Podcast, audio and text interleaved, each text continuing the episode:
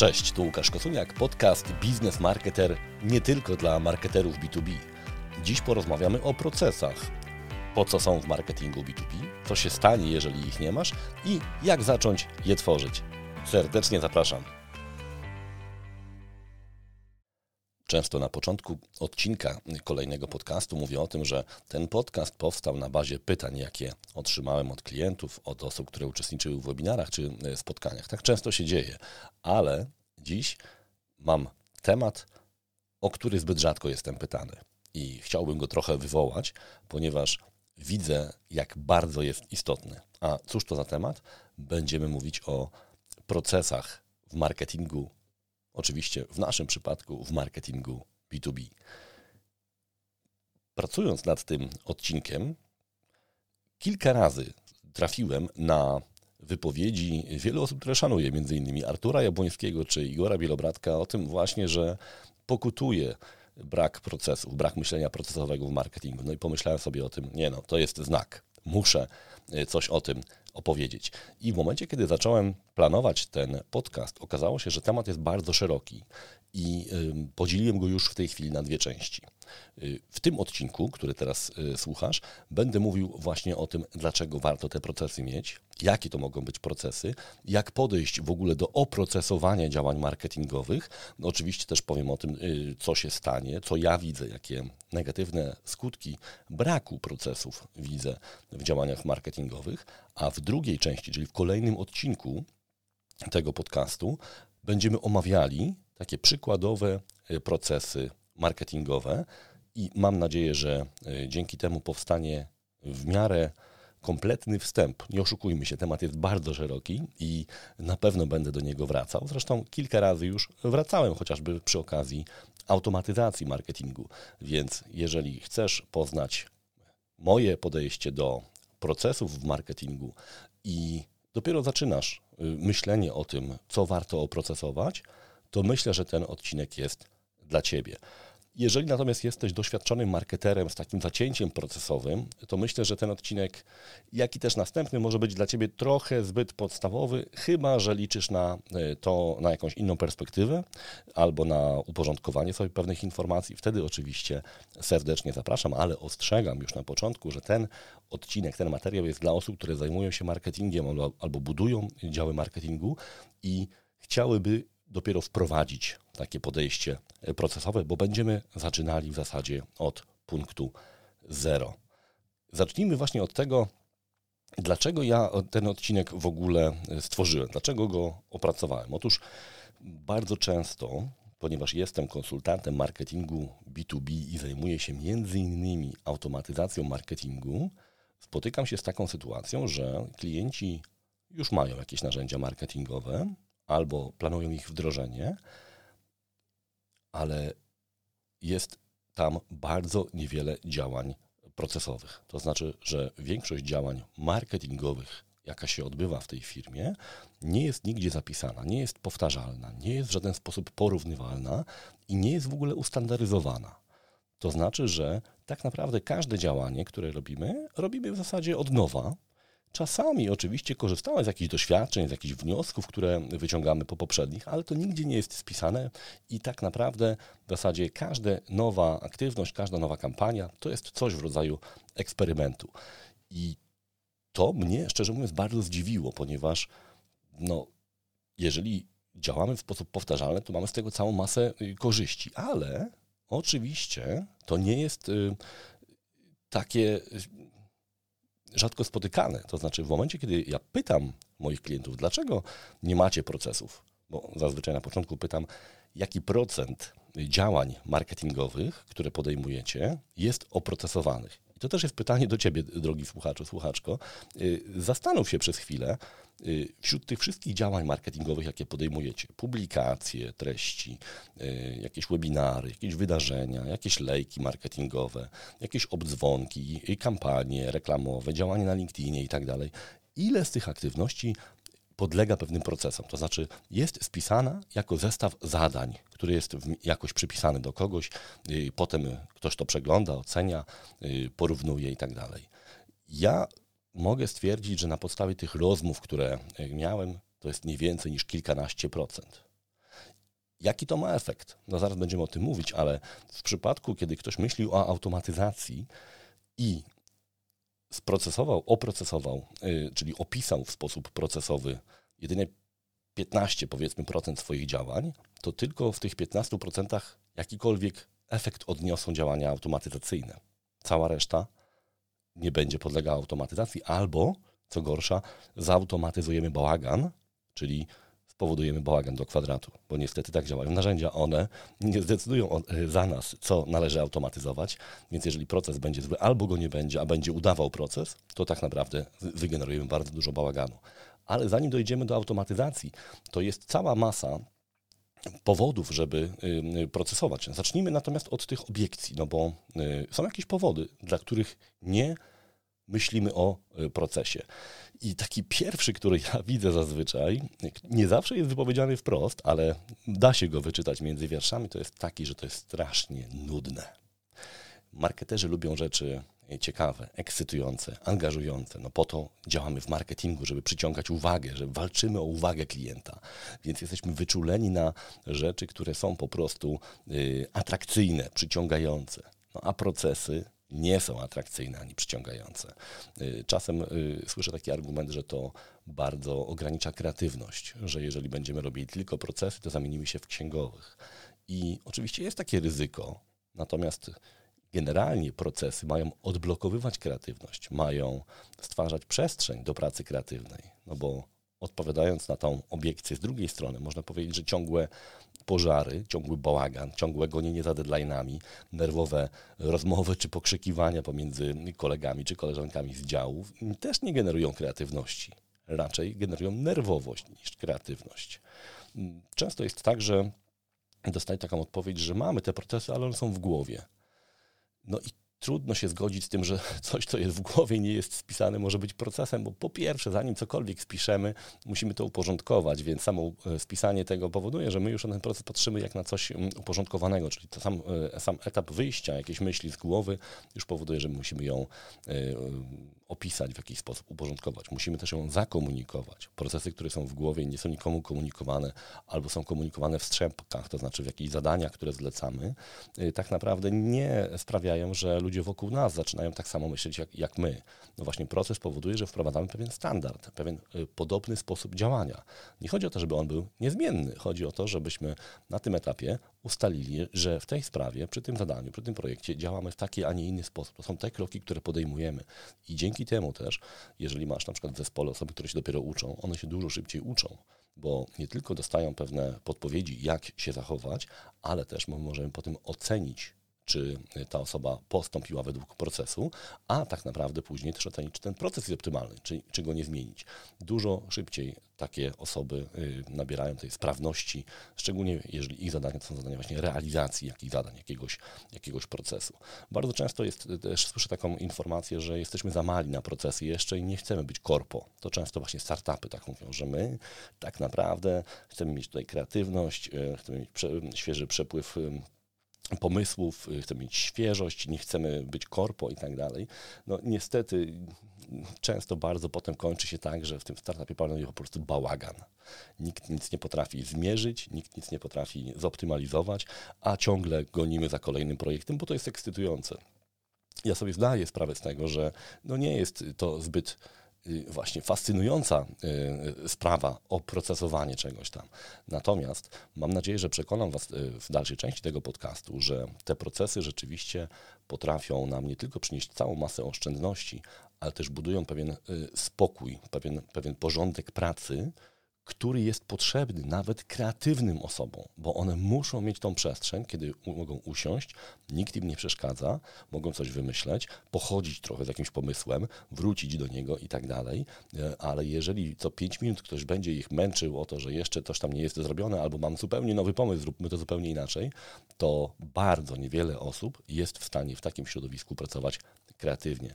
Więc wbrew pozorom, moim zdaniem, dobrze ułożone procesy, tworzą przestrzeń dla kreatywności, ale też tworzą przestrzeń dla realizacji tych kreatywnych pomysłów. Bo często jest tak, że wiele z tych pomysłów, które sobie nosimy w głowie, omawiamy, nawet rysujemy na jakichś mindmapach, nie przechodzi do działania, dlatego że nie ma za tym procesu. czyli nikt nic z tym nie zrobił. Mm, pomówmy zatem o tym, co się dzieje, kiedy w firmie nie ma takiego myślenia procesowego, nawet w małej firmie. No właśnie, bo jeszcze miałem nawiązać do tego, że jesteśmy za mali na, na procesy. Moi drodzy, właśnie bardzo często przy małych firmach te procesy są bardzo ważne.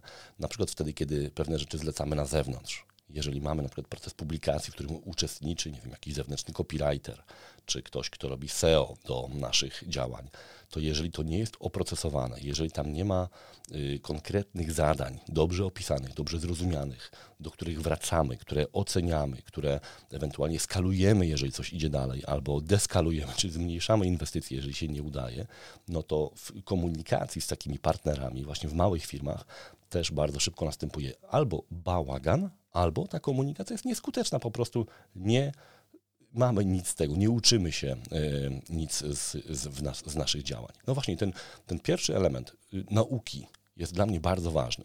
Y, przechodzę właśnie do tego drugiego punktu naszego dzisiejszego słuchowiska.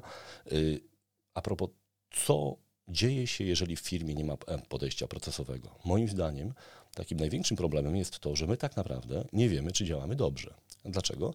Ponieważ ciągle robimy rzeczy inaczej.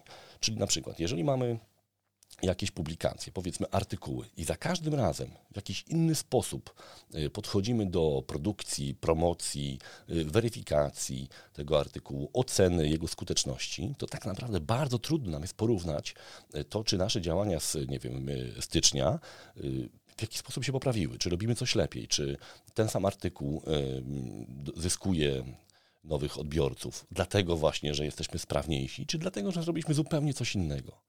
Więc jeżeli nie powtarzamy pewnych działań, to nie możemy ich porównać. W związku z tym, jeżeli staramy się porównać potem dwa jakieś efekty, ale okazuje się, że po stronie działań, które były podejmowane, są zupełnie różne zestawy aktywności, to tak naprawdę nie wiemy, co zadziałało.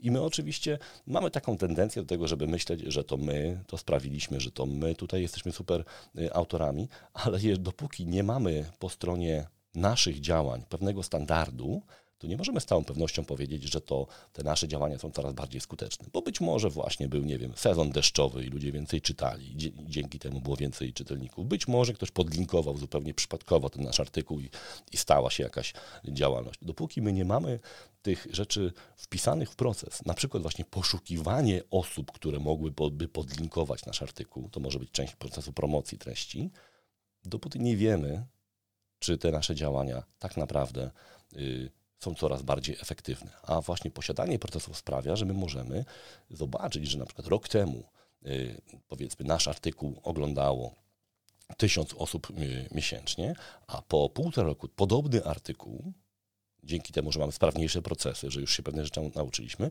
ogląda 2000 osób miesięcznie, więc wiemy, że te aktywności przynoszą nasze efekty.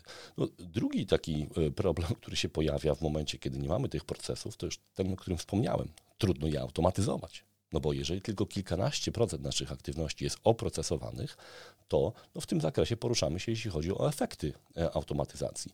Firma Salesforce zrobiła kilka no, takie badania, z których wynika, że dobre wdrożenie automatyzacji marketingu może podnieść o około 25% ilość lidów i o około 28 czy 29 ich jakość, konwersję. Super, to wszystko super, tylko to zakłada, że wszystkie procesy generowania lidów, wszystkie działania generowania lidów są oprocesowane. Jeżeli to jest kilkanaście procent tylko z naszych działań generowania lidów, to automatyzacja dotknie tych oprocesowanych, czyli tylko tych kilkanaście, czyli to będzie te 30% razy 15%, czyli ile? 4,5%. O tyle wzrośnie nasza efektywność w tym y, obszarze. Cała reszta nie będzie, nie będziemy mogli zastosować automatyzacji, ponieważ nie będzie y, procesów. Podobnie jest zresztą też ze, ze skalowaniem, czyli jeżeli my prowadzimy pewne działania, powiedzmy prowadzimy webinary i za każdym razem my robimy to inaczej. Używamy innych narzędzi, używamy innych, innego sposobu promocji, yy, zmieniamy tematykę bardzo często, to tak naprawdę nie możemy wyciągnąć żadnych wniosków z tego, które by nam pozwalały skalować. Na przykład, gdybyśmy mogli porównać, y, widzimy na przykład, że temat jakiegoś webinaru e, regularnie przynosi nam powiedzmy 100-150 osób, które uczestniczą, i jeżeli na przykład przy kolejnym webinarze w ramach tego procesu zwiększamy delikatnie chociażby inwestycje, czyli dopalamy, marketingowo przychodzi 200 osób i dalej mamy tą podobną ilość lidów, pod, proporcjonalnie większą ilość lidów, to znaczy, że jest potencjał skalowania.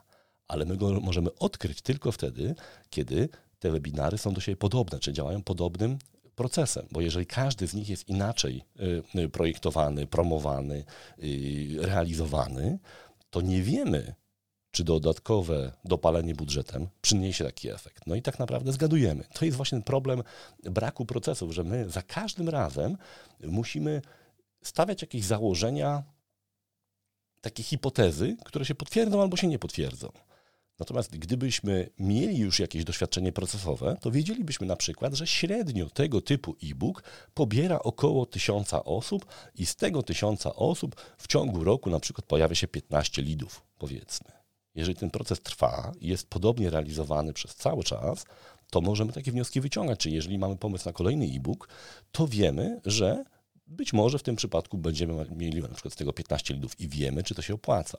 No jeżeli nie mamy procesów, no to tak naprawdę ciągle eksperymentujemy i na końcu no, albo ten eksperyment się uda, albo się nie uda. No ale problem się zaczyna wtedy, kiedy idziemy na przykład po pieniądze do dyrektora finansowego, chcemy zwiększyć budżet, albo chcemy po prostu ten budżet mądrze wydawać. I tak naprawdę bez procesów, bez tego doświadczenia, bez tych danych z tych procesów, no to jest trochę wróżenie ze szklanej kuli. To znaczy my nie wiemy, czy to będzie podobnie, bo nigdy w ten sposób jeszcze nic nie robiliśmy.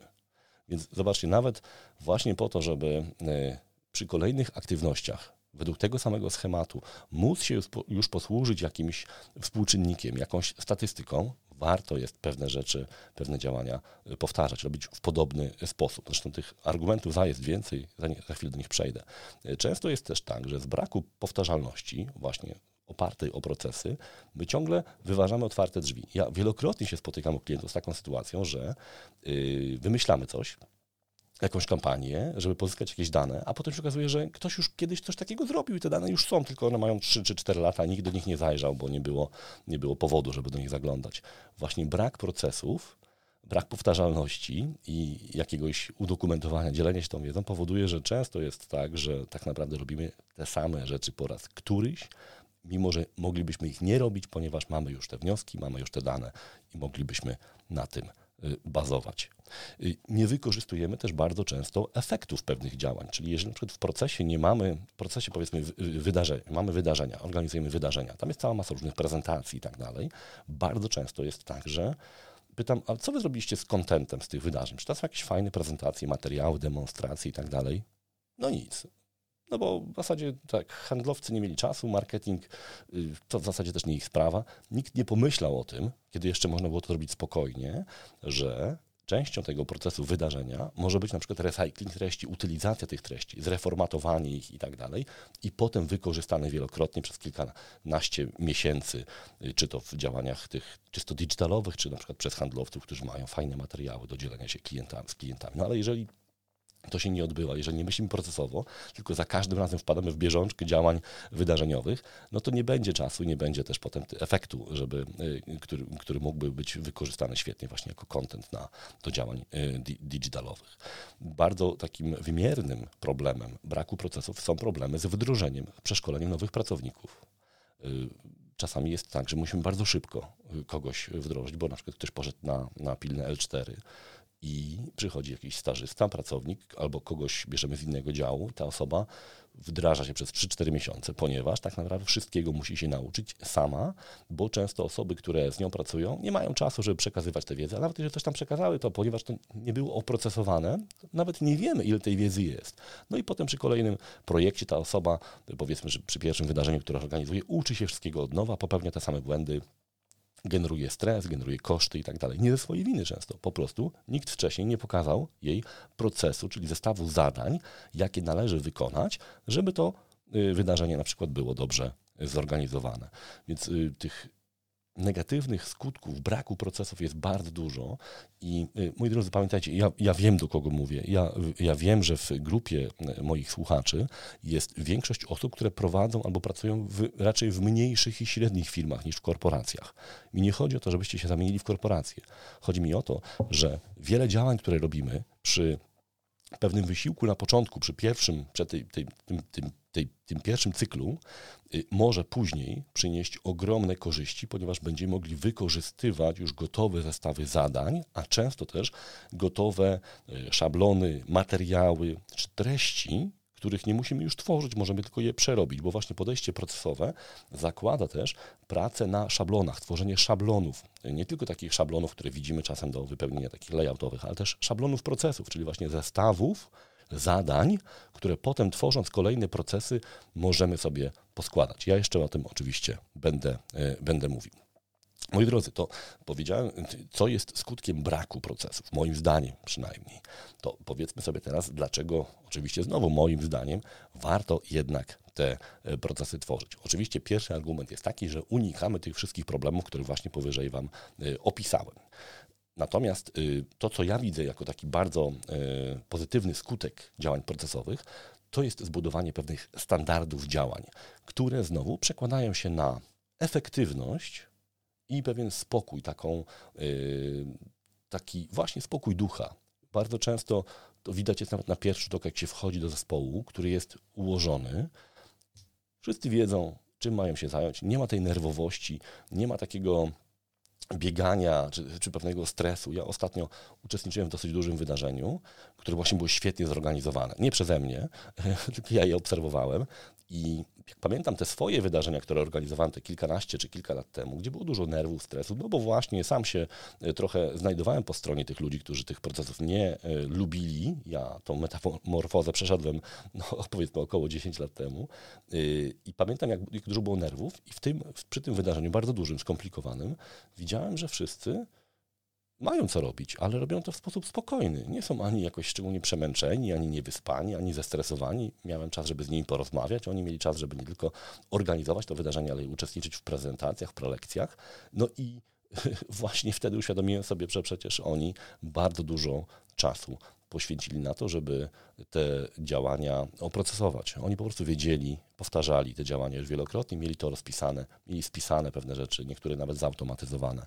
Y, to był taki namacalny skutek tego, że w organizacji, która stosuje procesy, po prostu jest spokój. I czy to była korporacja? Nie, absolutnie nie. To była kilkuosobowa firma. Drugi element, który jest bardzo ważny przy procesach, to jest właśnie to, że my te procesy zazwyczaj rozbijamy na y, zadania Oczywiście no to jest taka norma, prawda, że każdy proces składa się z iluś tam zadań.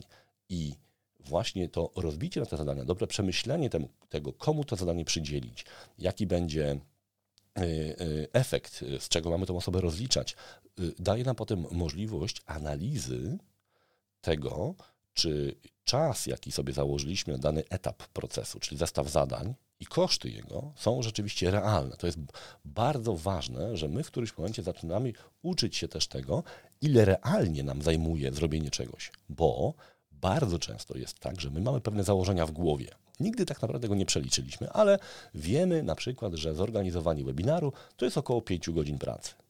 A potem się okazuje, że tak naprawdę nie 5, tylko 15 godzin pracy i to jeszcze pewnych, przy pewnych zależnościach, pod warunkiem, że ktoś się z czymś wyrobi i tak dalej.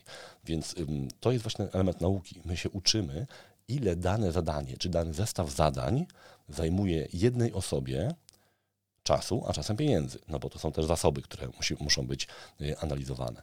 I potem, jeżeli chcemy planować kolejne tego typu działania, to bardzo szybko możemy po pierwsze wykorzystać te już wstępnie zdefiniowane zadania. Zaraz powiem, jak to można zrobić technicznie. Czyli już nie musimy tych zadań wymyślać, ale mamy je poukładane.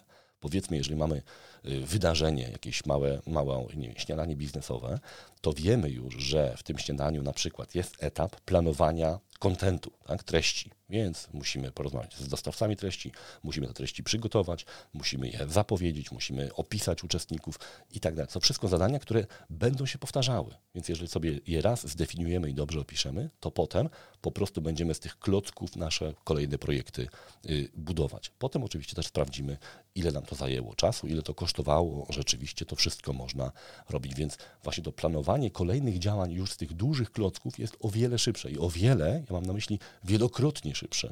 Y, ja ze swojego doświadczenia mogę Wam powiedzieć, że przy pierwszym webinarze ja na same takie elementy powiedzmy planowania typu zaprojektowanie landing page'a, formularza, jakiegoś procesu follow-upowego, y, komunikacji oczywiście, promocji, komunikacji do osób, które uczestniczą, ja spędziłem podejrzewam, że ponad 10 godzin przy jednym webinarze, który trwał godzinę, trwa zazwyczaj godzinę do półtorej.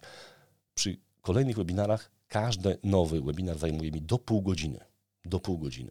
Czyli mamy dwudziestokrotne zmniejszenie obciążenia. Dlatego ja tych webinarów mogę robić więcej, ponieważ y, nie potrzebuję spędzać kolejnych 10 godzin na te wszystkie elementy związane z infrastrukturą, zaproszeniami, promocją i tak dalej. Skupiam się głównie tak naprawdę na treści, na przekładzie, na tym, co mam, y, co mam y, przekazać. Tu przy okazji taki mała, mała dygresja. Znowu, jeżeli mamy procesy i widzimy, jaki jest efekt z danego zadania, z danego procesu, projektu, typu w tym przypadku webinaru, to ja na przykład bardzo często dochodzę do wniosku, że warto powtórzyć ten webinar na ten sam temat, na przykład za miesiąc czy za dwa miesiące. I okazuje się, że właśnie znowu nie muszę już robić tych wszystkich elementów podwójnie, y, znowu od, od nowa zaczynać, ponieważ i content, i procesy mam już przygotowane. W związku z tym przeprowadzenie kolejnego webinaru łącznie z delivery, tak zwanym, czyli z tym, co robię podczas webinaru, zajmuje mi dwie godziny, a zazwyczaj generuje mi około 10 lidów, moi drodzy. Więc dwie godziny pracy, 10 lidów, Myślę, że warto, prawda? Ale właśnie dlatego, że ja już kiedyś tą drogę przeszedłem, że te procesy już mam zdefiniowane, niektóre dosyć mocno zautomatyzowane. O automatyzacji będziemy mówili w tym drugim odcinku kolejnym, który będzie za tydzień e, opublikowany. Więc mamy już e, to właśnie szybkie planowanie możliwość wykorzystania narzędzi do planowania marketingowego. Ja wiem, że możliwość wykorzystania narzędzi to nie jest jakiś wielki benefit. Chodzi mi o efekty zastosowania tych narzędzi, bo jeżeli już mam to myślenie procesowe czy projektowe, czyli mam projekt, który składa się z pewnych faz, być może właśnie z procesów, które składają się z zadań, to ja sobie te zadania mogę zdefiniować właśnie w narzędziach, które pewnie znacie, typu na przykład Trello. Ja akurat używam odpowiednika Trello, który nazywa się Microsoft Planner. On jest częścią Office 365. Zresztą tworzyłem na jego temat też yy, krótkie wideo. Yy, dlatego, że pracuję w tym, w tej, na tej platformie, to wszystko się łączy bardzo, bardzo fajnie. Ale właśnie wtedy, kiedy ja mam już yy, moje zadania zdefiniowane i one są wstępnie przypisane, to mogę właśnie potem przy kolejnym projekcie tak naprawdę albo zrobić kopię projektu i tylko pozmieniać daty i ewentualnie przypisać inne rzeczy do, do, do, do uczestników, do partnerów, z którymi współpracuję i zajmuje mi to kilkanaście minut rozplanowanie całego e, nowego projektu, albo go zmodyfikować delikatnie. I to też jest kwestia 20-30 minut. I mam cały nowy projekt już zbudowany e, z klocków. Widzę też właśnie, ile czasu zajęła realizacja, więc mogę sobie e, na etapie planowania projektu na przykład zdecydować, że ok, to wtedy myślałem, że mi zajmie to dwa tygodnie, ale de facto zajęło mi to 3,5 tygodnia, więc tym razem zacznę trochę wcześniej się zajmować tym eventem, powiedzmy tym wydarzeniem, bo wtedy było bardzo na ostrzu noża, bo pewne rzeczy, moje założenia się nie, nie potwierdziły.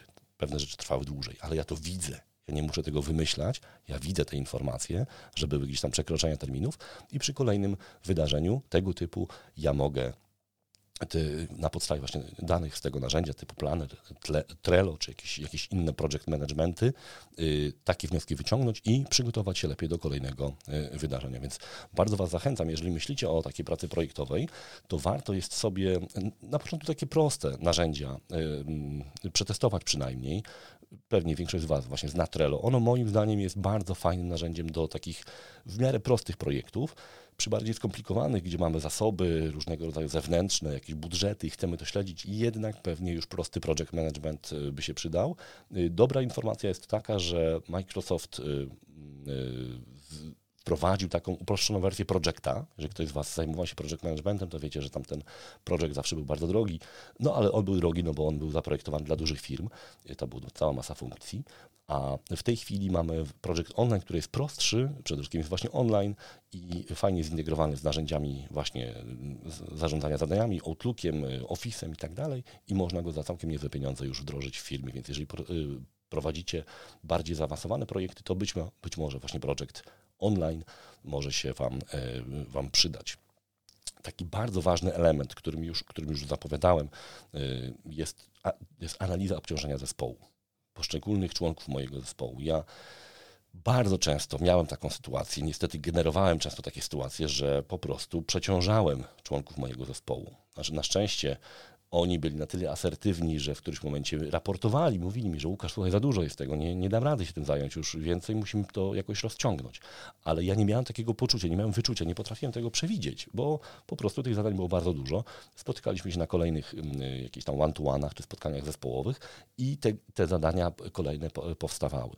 I dla mnie to było też stresujące, bo ja nie chciałem nigdy być szefem tyranem, który tam kogoś zmusza do pracy po nocach, ale czasami okazywało się, że no przynajmniej te moje założenia takie ryzyko tworzyły. Na szczęście mój styl zarządzania zazwyczaj był taki, że ludzie się nie bali y, o tym mówić, więc y, szybko dosyć jakieś tam y, rozwiązania znajdowaliśmy. Ale nie chodzi o to, żeby gasić pożary, tylko żeby ich nie powodować. Więc w momencie, kiedy ja mam wiedzę o tym, ile dane zadanie zajmuje średnio konkretnej osobie, a mogę taką wiedzę wyciągnąć właśnie z tych narzędzi zarządzania zadaniami, to na przyszłość mogę inaczej zmodelować ten projekt. Czyli nie obciążyć, tak widzieć na przykład, że ten, ta osoba już jest na, na, na, granicy przeciążenia, więc muszę coś innego z tym zrobić. Albo to zlecić, albo poczekać z tym zadaniem na, kolejnego miesiąca, czy za, do następnego tygodnia. Tutaj już tego typu informacje można wyciągać z narzędzi z narzędzi bardziej project managementowych, więc jeżeli zarządzacie zespołem i chcielibyście właśnie te informacje analizować, to takie zwykłe Trello tej informacji nie da, ale już narzędzia do, do zarządzania projektami typu Project, ten Project Online już takie informacje Wam e, przekażą. To jest bardzo cenne, bo jeżeli macie w zespole dwie czy trzy osoby, to jeszcze jakoś można sobie z tym poradzić, nawet właśnie takim nieformalnym stylem, ale jeżeli to jest 20 czy 30 osób, którym ciągle delegujecie zadania, to warto jest też przyjrzeć się temu, czy tam nie ma przeciążenia zwyczajnie, bo no, czasami niektórzy Wam tego nie powiedzą wprost, a potem będą y, ciężko pracować albo jakieś tam frustracje się pojawią. No, zwyczajnie nie chcemy, żeby nasi y, pracownicy byli stale przeciążeni, bo to nikomu dobrze y, nie robi. No i właśnie ten przepraszam, ostatni argument, który ja bardzo lubię, czyli możliwość automatyzowania procesów. Już mówiłem Wam o tym od strony negatywnej, że jeżeli nie ma procesów, nie ma automatyzacji, ale jeżeli my te procesy zaczynamy sobie tworzyć, to pamiętajcie, moi drodzy, możemy je e, możemy automatyzować i procesy zewnętrzne, czyli te, które docierają do klienta, typu na przykład nie, stworzenie e-booka i promocja tego e-booka, ale przecież, żeby ten e-book pojawił się na stronie, to musi się zadziać cała, e, cała seria zadań wewnętrznych, które nasi, moi pracownicy, czyli czy współpracownicy, czy, czy agencje e, realizują. I warto jest też czasami myśleć o automatyzacji tych zadań wewnętrznych. Będę trochę o tym mówił przy następnym podcaście, ale generalnie ta automatyzacja nie musi polegać, że coś ktoś zrobi za nas, natomiast na przykład może, nast może nastąpić automatyczne y, wygenerowanie zadań na podstawie jakiegoś y, procesu. Czyli jeżeli na przykład możemy sobie taką sekwencję ustawić, że jeżeli na przykład pojawi się artykuł w formie draftu w danym miejscu w sieci, to osoba, która u nas odpowiada zazwyczaj za, e, nie wiem, przegląd pod, pod kątem poprawności językowej e, i osoba, która odpowiada za SEO i ekspert merytoryczny dostają nagle zadania w swoim y, programie pocztowym, przejrzyj materiał i tak dalej. To może się zadziać równolegle albo sekwencyjnie. Jeżeli na przykład chcemy, żeby ekspert oglądał już prawie ostateczną wersję, to on może być uruchomiony, czyli, czyli to zadanie może powstać w momencie, kiedy y, już na przykład y, SEO jest przeprowadzone. Czasem mam takie pytanie y, od klientów, które zadania, czy wszystko ja muszę oprocesować? To jest czasem taka forma dyskusji ze mną, no bo właśnie wydaje nam się, że tylko niewiele zadań nadaje się do oprocesowania, czy niewiele działań marketingowych. Okazuje się, że bardzo wiele y, naszych działań można oprocesować. I taka krótka podpowiedź, jakie cechy tych działań sprawiają, że te procesy powinny być zbudowane. Przede wszystkim powtarzalne. działanie. Czyli jeżeli na przykład regularnie publikujemy posty na LinkedInie, jeżeli regularnie tworzymy jakieś e-booki, jakieś artykuły, organizujemy wydarzenia, wysyłamy e-maile, wysyłamy newslettery, y, prowadzimy kampanie i tak dalej, a tak naprawdę powinno się to robić regularnie, wszystkie te rzeczy, które wymieniłem, powinny być robione regularnie, to już mamy odpowiedź, te działania powinny być oprocesowane, ponieważ one będą składały się z bardzo podobnych zadań które, jeżeli sobie dobrze e, zdefiniujemy, jeżeli sprawdzimy, że faktycznie o, to jest ten zestaw zadań, który jeżeli jest zrobiony, to wszystko jest ok, to przy kolejnym newsletterze, poście, artykule, wydarzeniu nie musimy się już nad tym zastanawiać. Po prostu mamy zdefiniowane zadania, często nawet z przypisanymi osobami, które te zadania mają e, zrealizować. Właśnie, szczególnie wtedy, kiedy współpracujemy w zespole, mniej lub bardziej sformalizowany. To może być zespół pracowników danej firmy, to może być zespół składający się z agencji. I właśnie im, szczerze mówiąc, im bardziej rozproszony ten zespół, tym te procesy się bardziej przydają, bo ta komunikacja jest wtedy utrudniona. Nie mamy możliwości oddziaływania na siebie, szczególnie właśnie w pracy y, zdalnej czy hybrydowej, kiedy no nie możemy się zawsze spotkać i, zarządzać, że tak powiem, przez zaglądanie przez ramię, jak to kiedyś się mówiło, y, to te procesy są ważne. Czyli osoby, które z nami działają, muszą mieć jasność co do tego, y, czego się od nich oczekuje, co ma być efektem, na kiedy ma to być zrobione, ale mają też wiedzieć, czego one mogą oczekiwać jako wsparcie tak zwanego wsadu. Ja Wam za chwilę taką, taką formatkę procesową tutaj y, omówię. Y, y, zadania oczywiście naturalnie działania naturalnie podlegają, powinny podlegać opracowaniu te, które składają się z wielu kroków czy działań. Czyli jeżeli na przykład mamy, mm, powiedzmy, wysyłka newslettera, Wydaje się to bardzo proste, albo nie wiem, publikacja posta na LinkedInie. Weźmy sobie takie najprostsze z możliwych zadań. Ale żeby ta, ten post na LinkedInie się pojawił, to tak naprawdę najpierw musimy mieć pomysł, jakąś treść. Prawda? I tu już się pojawia pierwszy problem, bo wiele osób yy, przed publikacją na LinkedInie po prostu drapi się po głowie, to tu, o czym tu napisać. Zaczynając od końca tak naprawdę. Ja często o tym mówię. LinkedIn yy, w działaniach B2B powinien służyć do promocji treści, które już mamy. Czyli proces się zaczyna nie od tego, że drapiemy się po głowie, co tu napisać na LinkedInie raz w tygodniu, tylko od tego, że mamy treści, które wymagają promocji. I jeżeli te, ten proces jest tak poprowadzony, to już nie ma tego myślenia, co tutaj napisać. Jest tylko myślenie, co zrobić, żeby to było dobrze.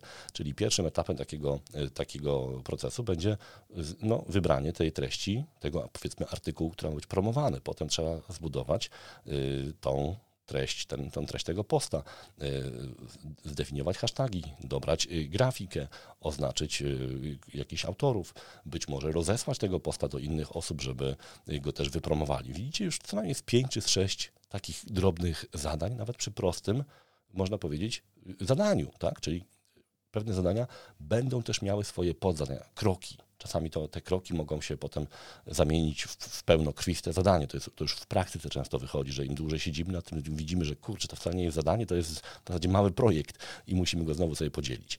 Więc jeżeli takie, mamy takie zadania, nawet które wydają się proste, ale które przy delikatnym przypomnieniu sobie, jak my działaliśmy, okazuje się, że one składają się z kroków, to jest właśnie to miejsce, gdzie można ten proces y, wprowadzić. No, ważnym argumentem e, takich działań, y, które y, chcemy opracować, jest to, czy chcemy je mierzyć. Czy chcemy mieć analizę skuteczności. Jeżeli tak, jeżeli ważne jest dla nas porównywanie na przykład, czy, czy my robimy coś coraz lepiej, coraz efektywniej, czy na przykład rośnie średnie zaangażowanie każdej publikacji na LinkedInie, no to właśnie stały proces spowoduje, że jak będziemy sobie mierzyli te zadania, efekty tych, tych zadań, to będziemy wiedzieli, że robiliśmy to w sposób podobny i właśnie przez tą powtarzalność rośnie nam audiencja, rośnie nam też potem e, reakcja tych, tych osób. No bo jeżeli każdy z tych postów będziemy inaczej promować, inaczej do niego podchodzić, będzie inaczej skonstruowany, to tak naprawdę niczego się nie, nie nauczymy. I teraz, moi drodzy, ważna rzecz. Y, ja jestem za tym, żeby eksperymentować, ale nawet jeżeli eksperymentujemy, to warto jest wiedzieć, w jakim obszarze eksperymentujemy. Bo jeżeli na raz wszystko zmieniamy, czyli zmieniamy i tematykę publikacji, i format, i dzień publikacji, i godzinę publikacji, i narzędzie do publikacji, i, i jeszcze w, jednym, w jednych narzędziach promujemy płatnie te publikacje, a w innych nie, to tak naprawdę ciężko jest potem coś porównać. Nawet jeżeli eksperymentujecie, to pamiętajcie, zmieniajcie jeden czynnik po to, żeby cała reszta była stała i można było zdefiniować, że o, właśnie dzięki temu, że teraz dodaliśmy wideo do posta, a wcześniej były tylko grafiki, to nam się poprawiły parametry, powiedzmy. Ale jeżeli wszystko pozmieniamy, to nie będziemy wiedzieli dlaczego. Także nawet przy eksperymentowaniu też y, procesy są ważne. No i oczywiście najważnym argumentem do y, skalowania, do, a, przepraszam, opisywania procesów jest to, że chcemy je skalować, czyli chce, chcielibyśmy na przykład wiedzieć, czy przy jakiejś większej inwestycji w promocję, załóżmy wydarzenia czy publikacji, ona przyniesie nam jeszcze więcej lidów, to wtedy rzeczywiście warto jest to robić według systemu procesowego, bo będziemy po prostu mogli porównać nasze działania wstecz i zobaczyć, że ta zmiana w postaci, y, w postaci y, dopalenia czegoś większym budżetem y, coś przyniosła.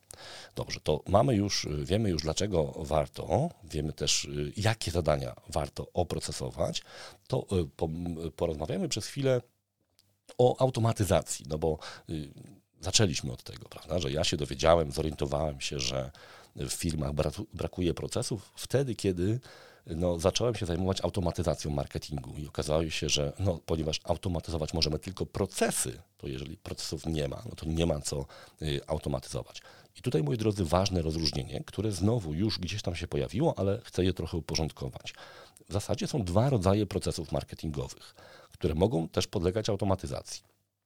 Procesy zewnętrzne, czyli te, które są skierowane na zewnątrz, do naszych klientów, partnerów i tak i wewnętrzne, które są związane z działaniami wewnątrz organizacji. Oba typy tych procesów można automatyzować. Ja zazwyczaj zajmuję się automatyzacją marketingu w obszarze y, tych procesów y, zewnętrznych, przynajmniej y, tak większość klientów myśli. Natomiast bardzo często w momencie, kiedy rozpoczynamy projekt, okazuje się, że y, jest też potężny potencjał oszczędności, czy, y, czy oszczędności czasu, czy pieniędzy, wtedy, kiedy zautomatyzujemy sobie część procesów wewnętrznych, albo przede wszystkim najpierw je opiszemy, a potem z, zautomatyzujemy. I teraz, co, co to może być? No bo być może Was interesują te procesy wewnętrzne bardziej.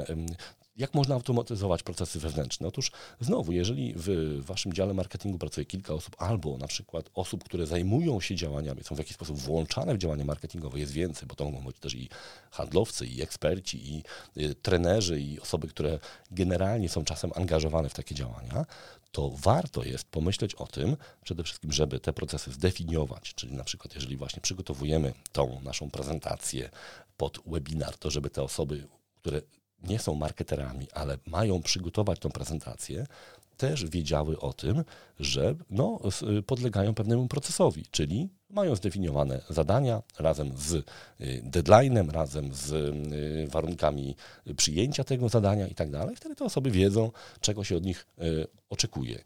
pewnie jest większa szansa, że zrobią to do dobrze. Więc jeżeli są procesy, są zadania zdefiniowane, to pewne rzeczy możemy łączyć w sekwencję.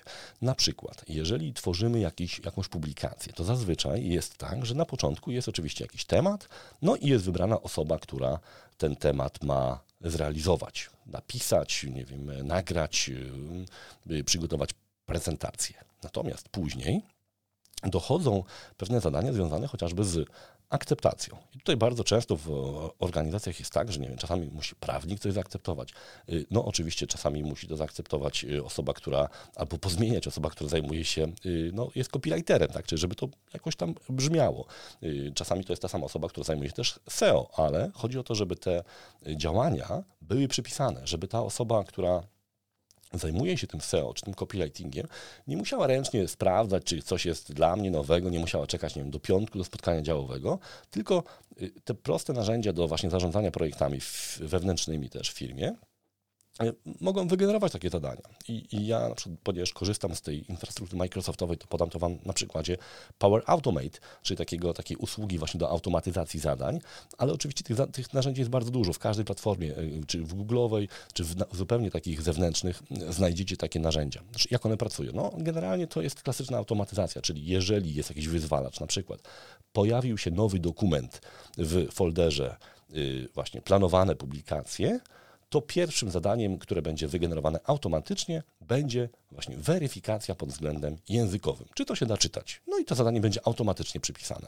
Jeżeli to zadanie jest zrealizowane, czyli nasz copywriter zaznaczył OK, to sekwencyjnie, czyli po kolei, pojawi się zadanie na przykład do, dla osoby, która zajmuje się SEO. To może być osoba z wewnątrz organizacji albo i z zewnątrz, czyli ta osoba robi optymalizację SEO, poprawia nagłówki i, i tak dalej, i tak dalej.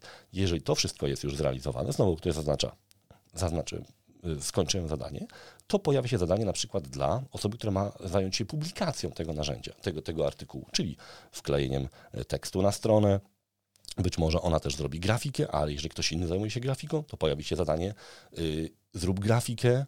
Y, być może grafika musi być zaakceptowana przez kogoś tam, być może y, trzeba ją też opisać pod kątem SEO i tak dalej, i tak dalej. Tych zadań może być dużo. To już pewien rozsądek nam mówi, jak bardzo granularnie mamy do tego podejść, bo czasami pewne rzeczy można łączyć, ale szczególnie na początku nie zakładajmy, że ktoś sam wymyśli, że to zadanie jeszcze oznacza, że musimy dwie rzeczy zrobić. Lepiej to podzielić na osobne zadania i ten system właśnie automatyczny będzie nam y, te zadania kolejne generował i po, w momencie, kiedy wskażemy, że to zadanie jedno zależy od drugiego, no to to drugie będzie wygenerowane wtedy, kiedy to pierwsze będzie zrealizowane. I w ten sposób też ten system może ocenić, czy y, zadania są realizowane w zakładanym czasie.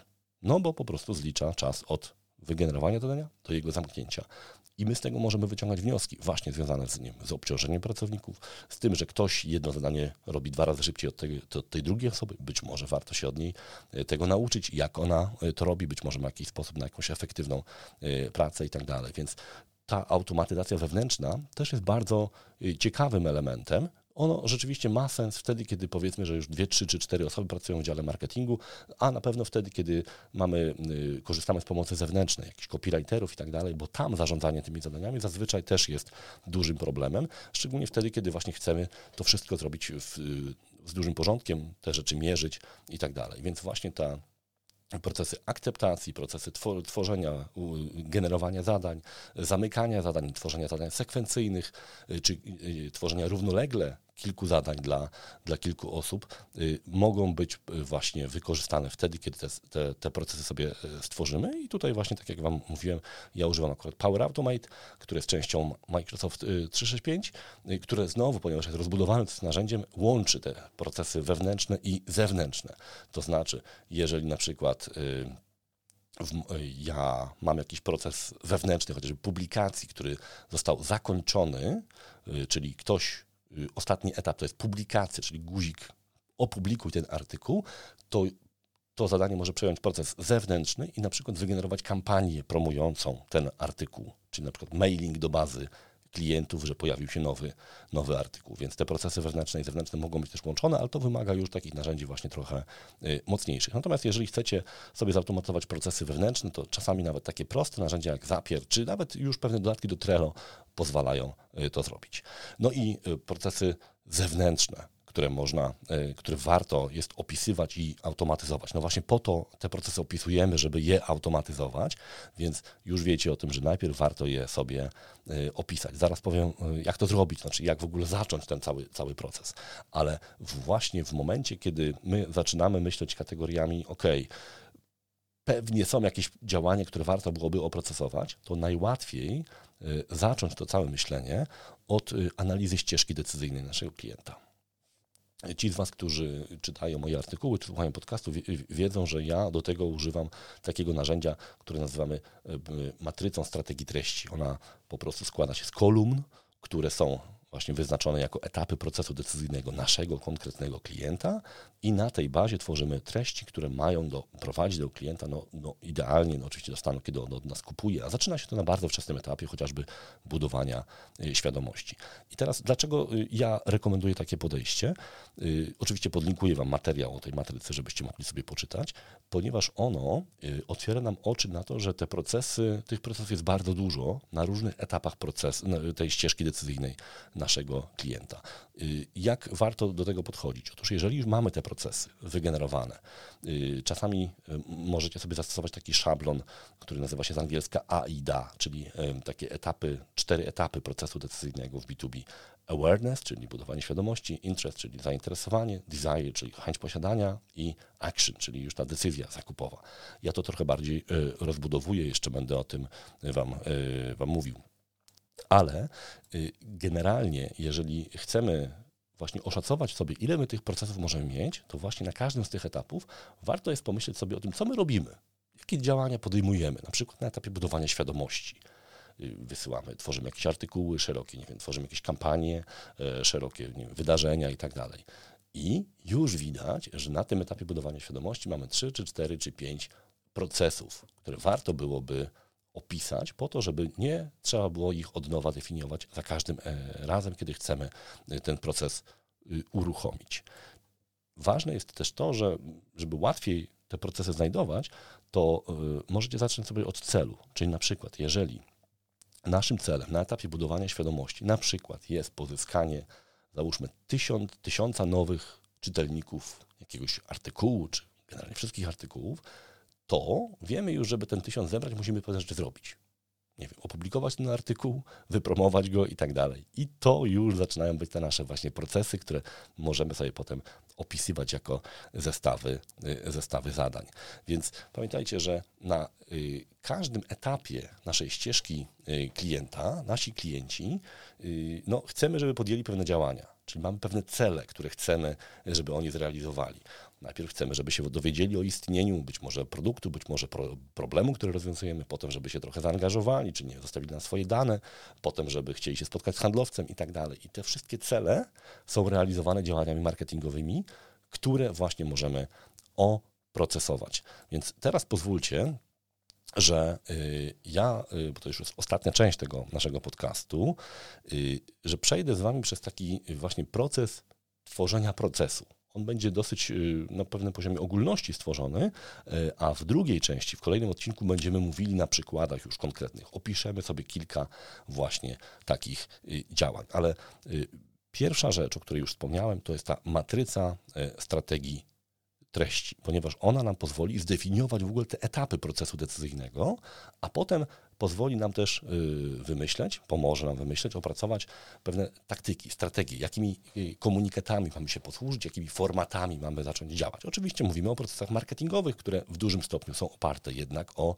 treści, szczególnie te procesy marketingu B2B czy inbound marketingu. Czyli pierwsza rzecz, zdefiniowanie etapów procesu decyzyjnego, potem określenie y, celów na każdym z, tym, z tych etapie. Na przykład zaangażowanie, tak, mówimy o tym drugim etapie, to może być pozyskanie 100 rekordów do bazy e-mail na miesiąc, załóżmy, albo w ogóle dla danego e, projektu. Przy świadomości, to pamiętajcie, na przykład tysiąc uczestników, osób, które obejrzały nasze wideo albo czytały nasz artykuł.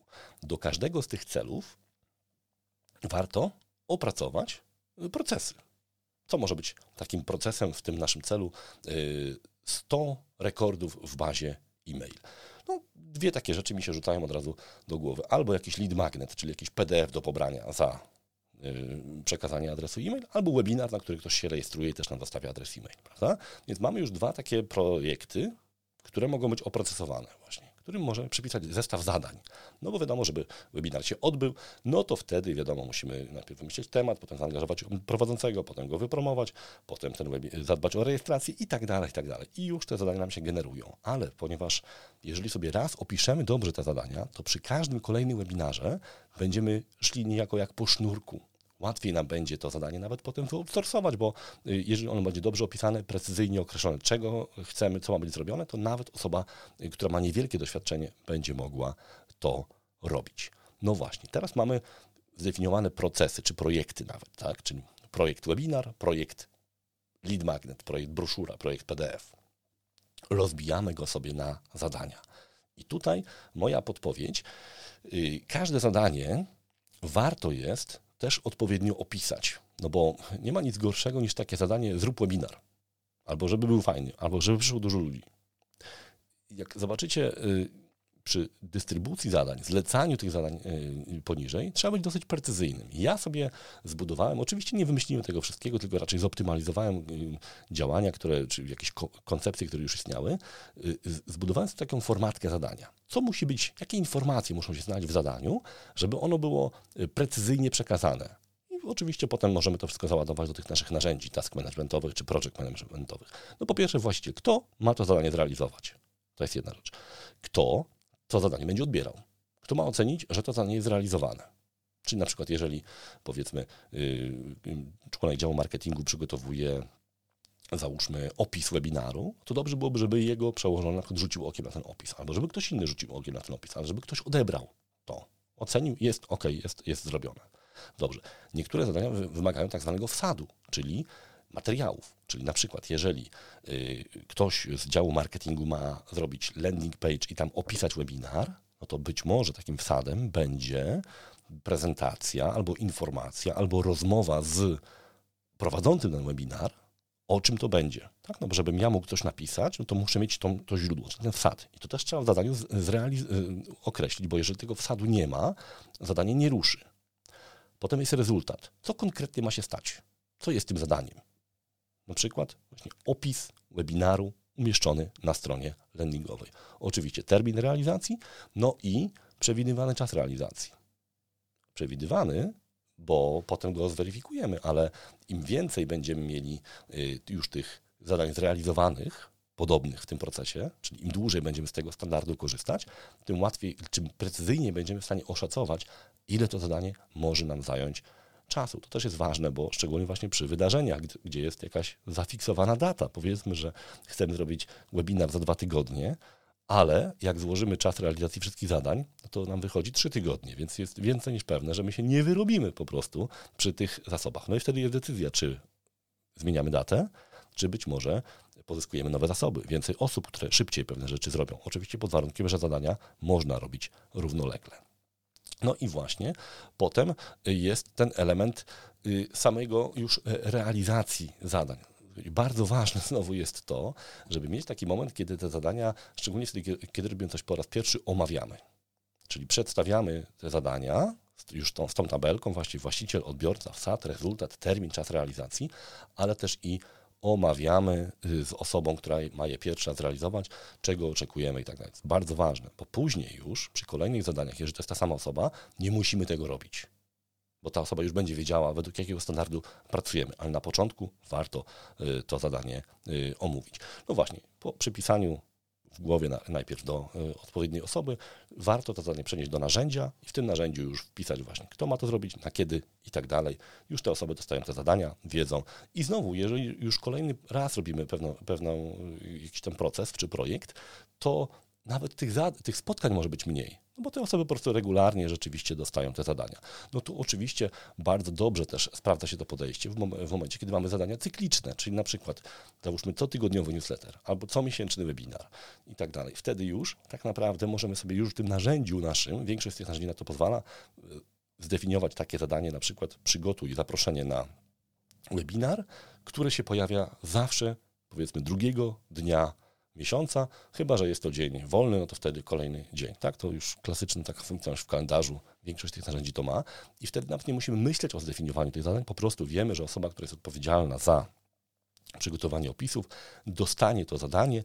Ja jako menedżer będę widział, że to zadanie jest, będę widział, kiedy zostało zrealizowane, czy zostało podjęte i tak dalej. Mogę kontrolować, mogę dopytać, y, co się dzieje. Nie muszę tego robić ręcznie, szczególnie wtedy, kiedy nie widzimy się na co dzień w biurze. Niesamowicie y, ważne.